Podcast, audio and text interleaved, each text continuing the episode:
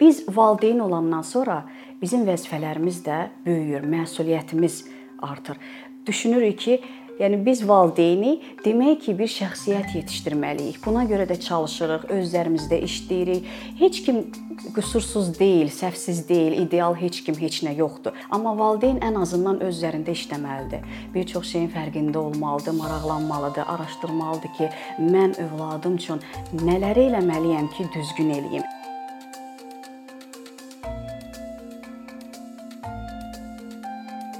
Xeyli müddətdir ki, uşaqlar üçün nağıllar səsləndirirəm və buna da ana olandan sonra başlamışam. Yəni övladım üçün hər gün nağıllar səsləndirirdim və qızım da yeni-yeni nağıllar istəyirdi. Uşaq var ki, hər gün eyni nağılı təkrar-təkrar dinləmək istəyir. Bu da əslində təbiidir. Bəzən baxırıq ki, valideynlər bundan şikayətlənirlər ki, hər gün eyni nağılı neçə dəfə oxumaq olar? Uşaq niyə belə istəyir?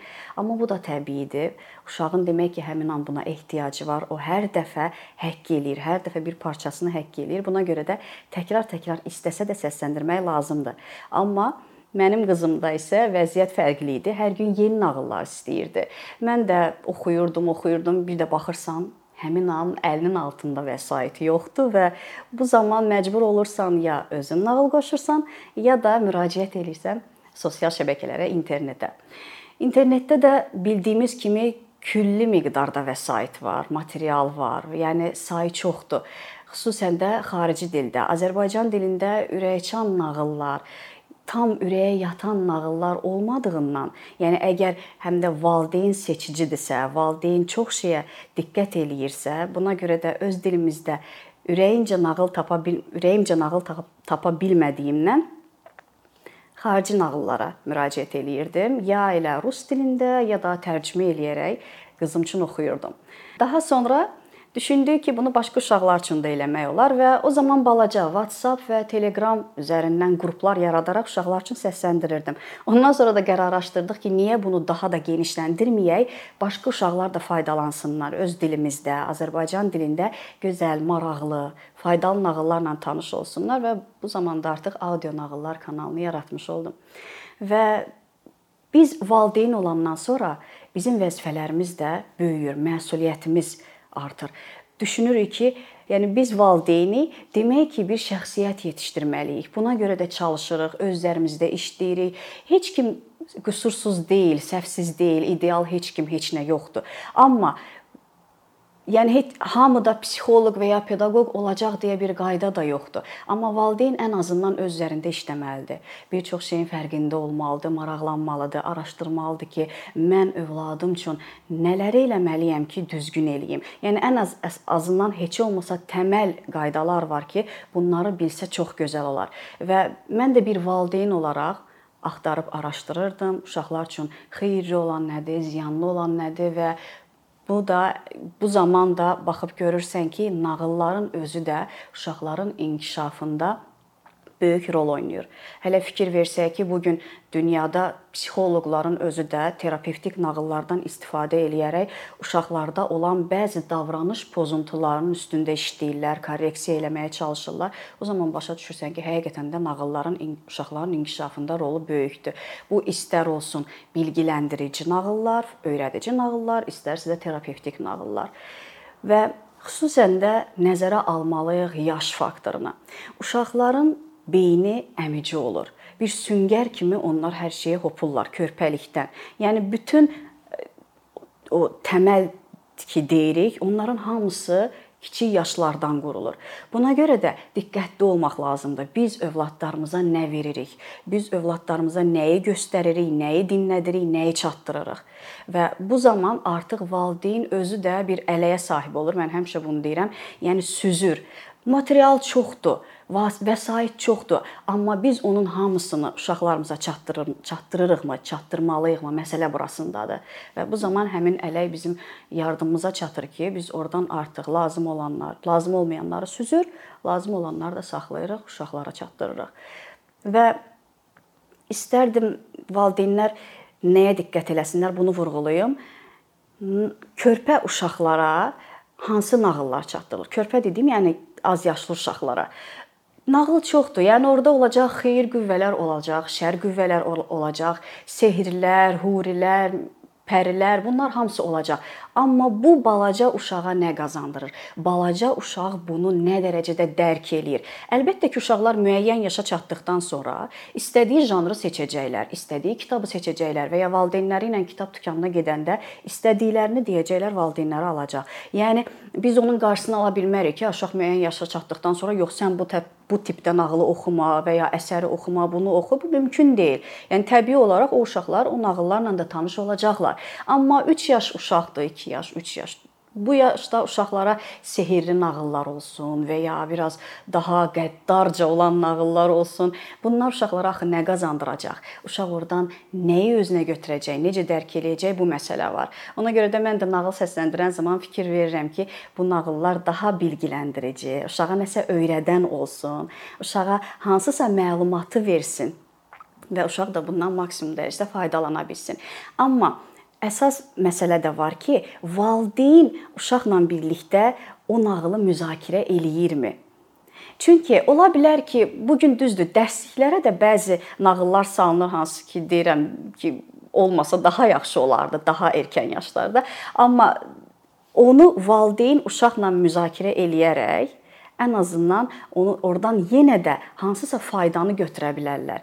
Yəni valideyn özü uşağa çatdıracaq ki, burada xeyir nədir, şər nədir, yaxşı nədir, pis nədir, yalanı nədir, doğrusu nədir və s. Uşaqlara nağıl elə lap erkən yaşlarından əslində başlamaq olar. Lap körpə yaşından, yəni düşünüm ki, onun 2 yaşı var, 3 yaşı var. Hətta bəzi kitablar, yumşaq kitablar olur uşaqlar üçün. Heç orada sözlər də yoxdur, şəkillərdən ibarət. Onunla belə valideyn o şəkilləri uşağa göstərə-göstərə nağıl qurmuş olur artıq. Və elə balaca yaş uşaqlara da ancaq belə məlumat tipli nağıllar daha çox fayda verəcək. Heyvanlar haqqında ola bilər, təbiət haqqında, həyat haqqında ümumilikdə, yəni tanış uşağı həyatla tanış eləyəcək nağıllar erkən yaş uşaqlar üçün daha faydalıdır bilgi alır, uşaq oradan məlumat alır. Çünki o beyin həmin yaşlarda 3 yaşa kimi hopur, hər şeyi özünə hopur, hər şeyi özünə çəkir. Buna görə də çalışmalıyıq ki, körpə uşaqları daha çox məlumat ötürə bilək. Valideynlərlə ünsiyyətdə olanda həmişə məsləhət görürəm ki, uşaqlara oxucu gündəliyi hazırlasınlar. Bu sadəcə bir rəsm albomundan e, hazırlamaq olar və balaca yaş uşaqlar, hansı ki hələ yazmağı, oxumağı bilmirlər, onlar ancaq şəkil çəkə bilərlər. Yəni biz onlara nağılı oxuduq, kitabı, əsəri oxuduq. Onlar isə həmin əsərdən nəyi çəkmək istəyirlərsə, qəhrəmanı bəlkə necə canlandırırlar, həmin yeri, məkanı, obyektləri, yəni nəyi çəkmək istəyirlərsə, o nağılın şəklini çəksinlər. Və valideyn də orada həmin tarixi və nağılın adını qeyd eləsin. Biraz böyük yaş uşaqlar isə özləri artıq yaza bilərlər nağılın adını, qəhrəmanların adını, sevdikləri mənfi, müsbət obrazları, nağıldan nağıldan nə əldə elədilər, nə xoşlarına gəldi, onlarda hansı hisslər yaratdı və s. kimi qeydlərini eləyə bilərlər. Bu yenə də baxır əlbəttə ki, uşağın istəyinə nə qədər nə yazacaq və s. Amma şəkil çəkmək elə bilirəm ki, lap kiçik yaş uşaqlarda, biraz böyük yaş uşaqlarda, yəni adı filan qeyd eləsələr də şəkil çəkməyi məmnuniyyətlə eləyirlər və bu bir xatirə kimi qalır. Gələcəkdə vərəqləyəcəklər ki, filan tarixdə mənə filan əsər oxunub. Mən o əsərdəki qəhrəmanı necə canlandırmışam, o nağılı necə canlandırmışam və o vərəqləri səhifələri daha doğrusu maraqla vərəqləyəcəklər. O həmişə deyirlər ki, uşaq gərək kiçik yaşlarından evdə görsün ki, kiminsə əlində kitab var. Yəni uşaq görürsə ki, evdə oxuyan var, onun da həvəsi yaranır. Amma lap əvvəl əlbəttə ki, bəzən olur valideynlər deyirlər ki, axı mən necə eləyim? Körpədir, kitab verirəm, cırır, dağıdır, tökür. Bunun üçün əslində uşaqlar ki, cırmaq vaxtları olur balaca uşaqların alternativ oyunlar təşkil eləmək olar, fikirləşmək olar ki, hə, məsələn, lazımsız kağız, küğuz, jurnal və s. uşaq bunlardan cırıb top halına salıb tutaq ki, basketbol kimi oynaya bilər. O ehtiyacını onunla ödəyə bilər. Alternativ variantı ona verdik.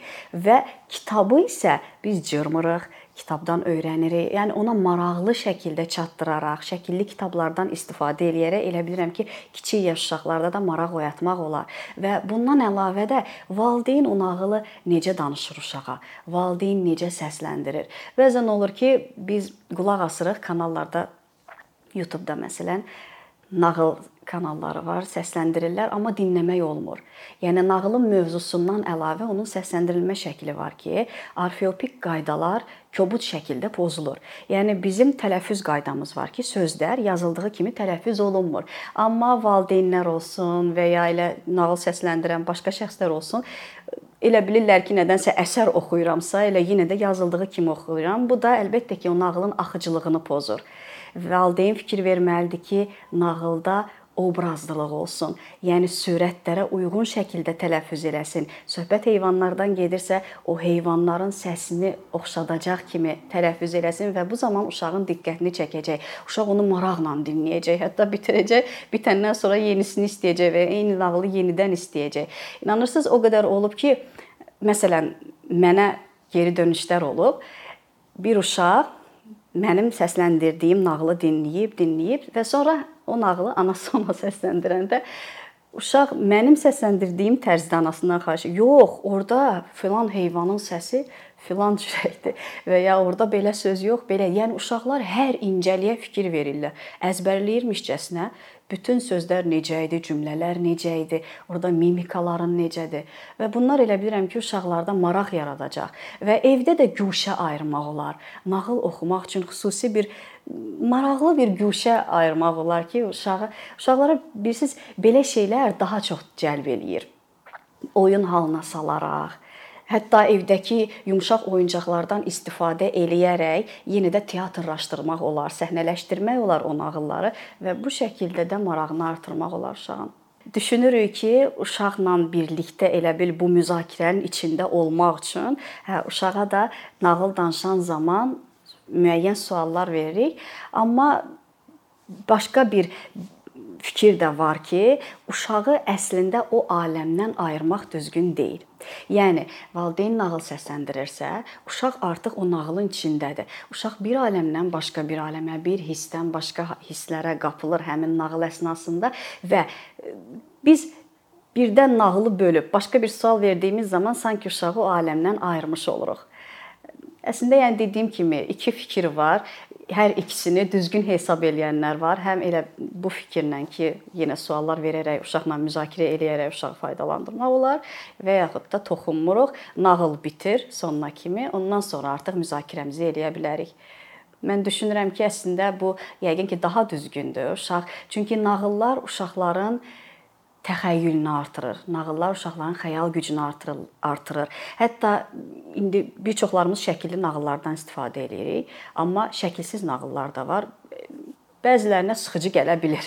Bəzi valideynlər elə daim axtarırlar ki, şəkilli nağıl nağıllar olsun, amma şəkilsiz nağılların özü belə uşaqların xəyal gücünü çox inkişaf etdirir. Çünki uşaq artıq orada oxunanı xəyalında canlandırır o qəhrəmanı, qəhrəmanın geyimini, ətrafında olan obyektləri, yeri, məkanı hamısını özü canlandırır və bu da uşağa ancaq və ancaq fayda verir. Buna görə də istənilən halda nə şəkilli, nə şəkilsiz qaçmaq lazım deyil, yəni. Əslində nağıllar lap əvvəllər böyüklər üçün yazılırdı. Yəni o zamanlar internetdir, televiziya idi, radiodur, belə şeylər olmadığı dövrlərdə insanlar özləri nağıllar qoşurdular, vaxtlarını maraqlı keçirirdilər və eyni zamanda da faydalanırdılar. Ona görə də həmin zamanların tələbinə uyğun şəkildə mövzular var. Məsələn, baxırıq ki, bizim əvvəlki nağıllarda ər-arvad münasibətləri, ailə məişət münasibətləri, şahdır, padşahdır və s. belə məsələlərə toxunulur.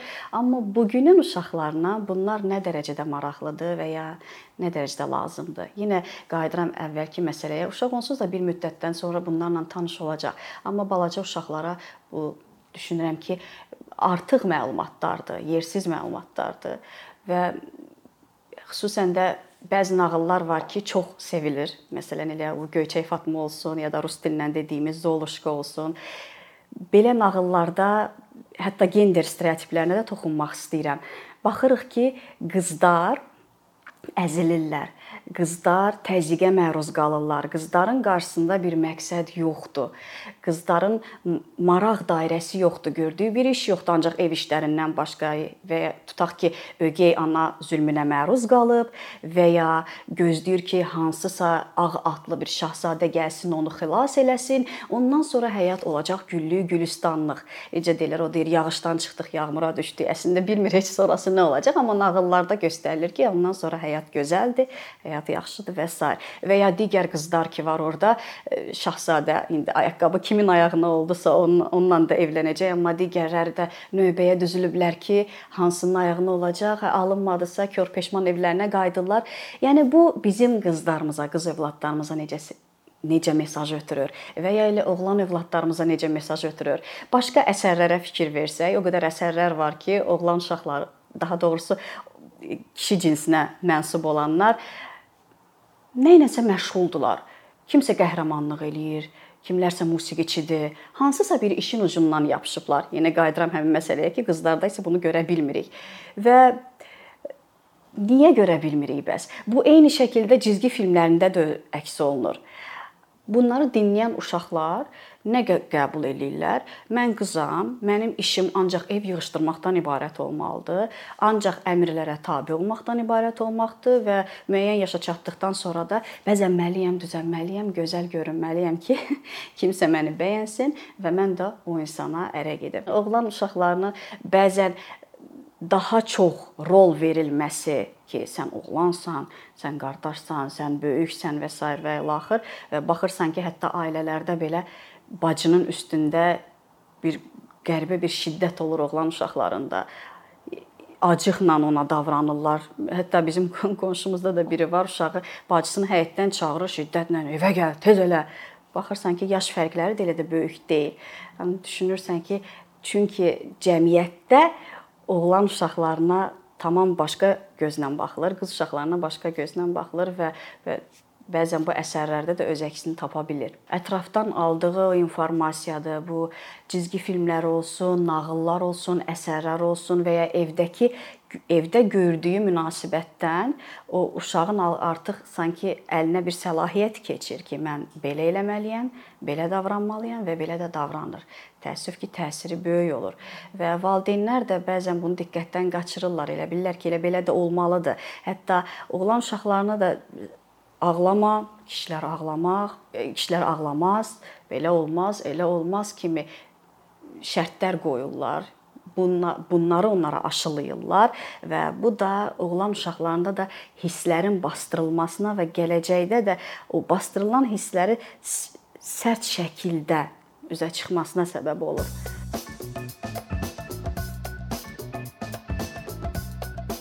Bir neçə ildir ki, əkinçi olaraq azərbaycanlı izləyicilərin hər zaman faydalana biləcəyi keyfiyyətli və ən əsas ödənişsiz kontent hazırlamağa çalışırıq. İndiyədək təqdim etdiyimiz onlarla animasiya və yüzlərlə çəkilişlər tələbələrin, mütəxəssislərin, müəllimlərin və ümumiyyətlə yeni mövzulardan xəbərdar olmaq istəyən çox sayda insanın marağına səbəb olub. Bu illər ərzində hazırladığımız videolar təhsil, texnologiya, ictimai fəallıq, iqtisadiyyat, gender bərabərliyi, ətraf mühit, ifadə ifadə azadlığı, hüquq, demokratik inkişaf, mədəniyyət və digər mövzuları əhatə edib. Məqsədimiz çoxlu baxış gətirən deyil, çoxlu fayda gətirən videolar hazırlamaqdır. Amma bu düşündüyümüz qədər asan deyilmiş. Gördüyümüz iş kifayət qədər resurs, əmək və təbii ki, davamlılıq tələb edir. Bu səbəbdən Patreon platformasından istifadəyə başladıq. Əkinçinin Patreon hesabının populyarlaşmasına çox böyük ümidlərimiz və gözləntilərimiz var.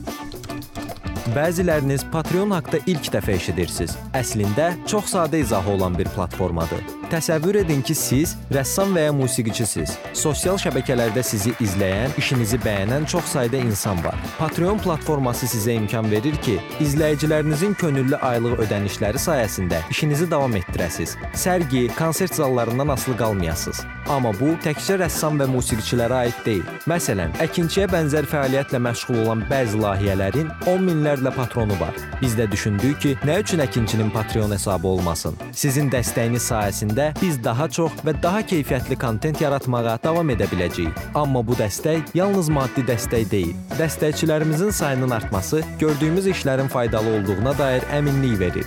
Patreon platformasından istifadə çox sadədir. Hesabınızı açırsınız, sizə uyğun dəstək növünü seçirsiniz və Patreon özü hər ayın ilk günü kartınızdan seçdiyiniz dəstək növünə uyğun ödəniş tutur. Bu qədər. Sonda onu demək istəyirik ki, dəstəkçilərin sırasına qoşulmaq istəyən, amma məhdud imkana görə bunu edə bilməyənlər narahat olmasın. Daha öncə dediyimiz kimi, bizim əsas məqsədimiz daha çox insanın hər zaman faydalana biləcəyi keyfiyyətli və ödənişsiz kontentin yaradılmasıdır. Bunun üçün mütləq patronumuz olmalısınız deyə məcburiyyət yoxdur. Amma imkanınız patron olmağa çatırsa və bizim işimizi bəyənirsinizsə, patronlarımızın sırasına qoşulmağınız bizim üçün çox önəmlidir.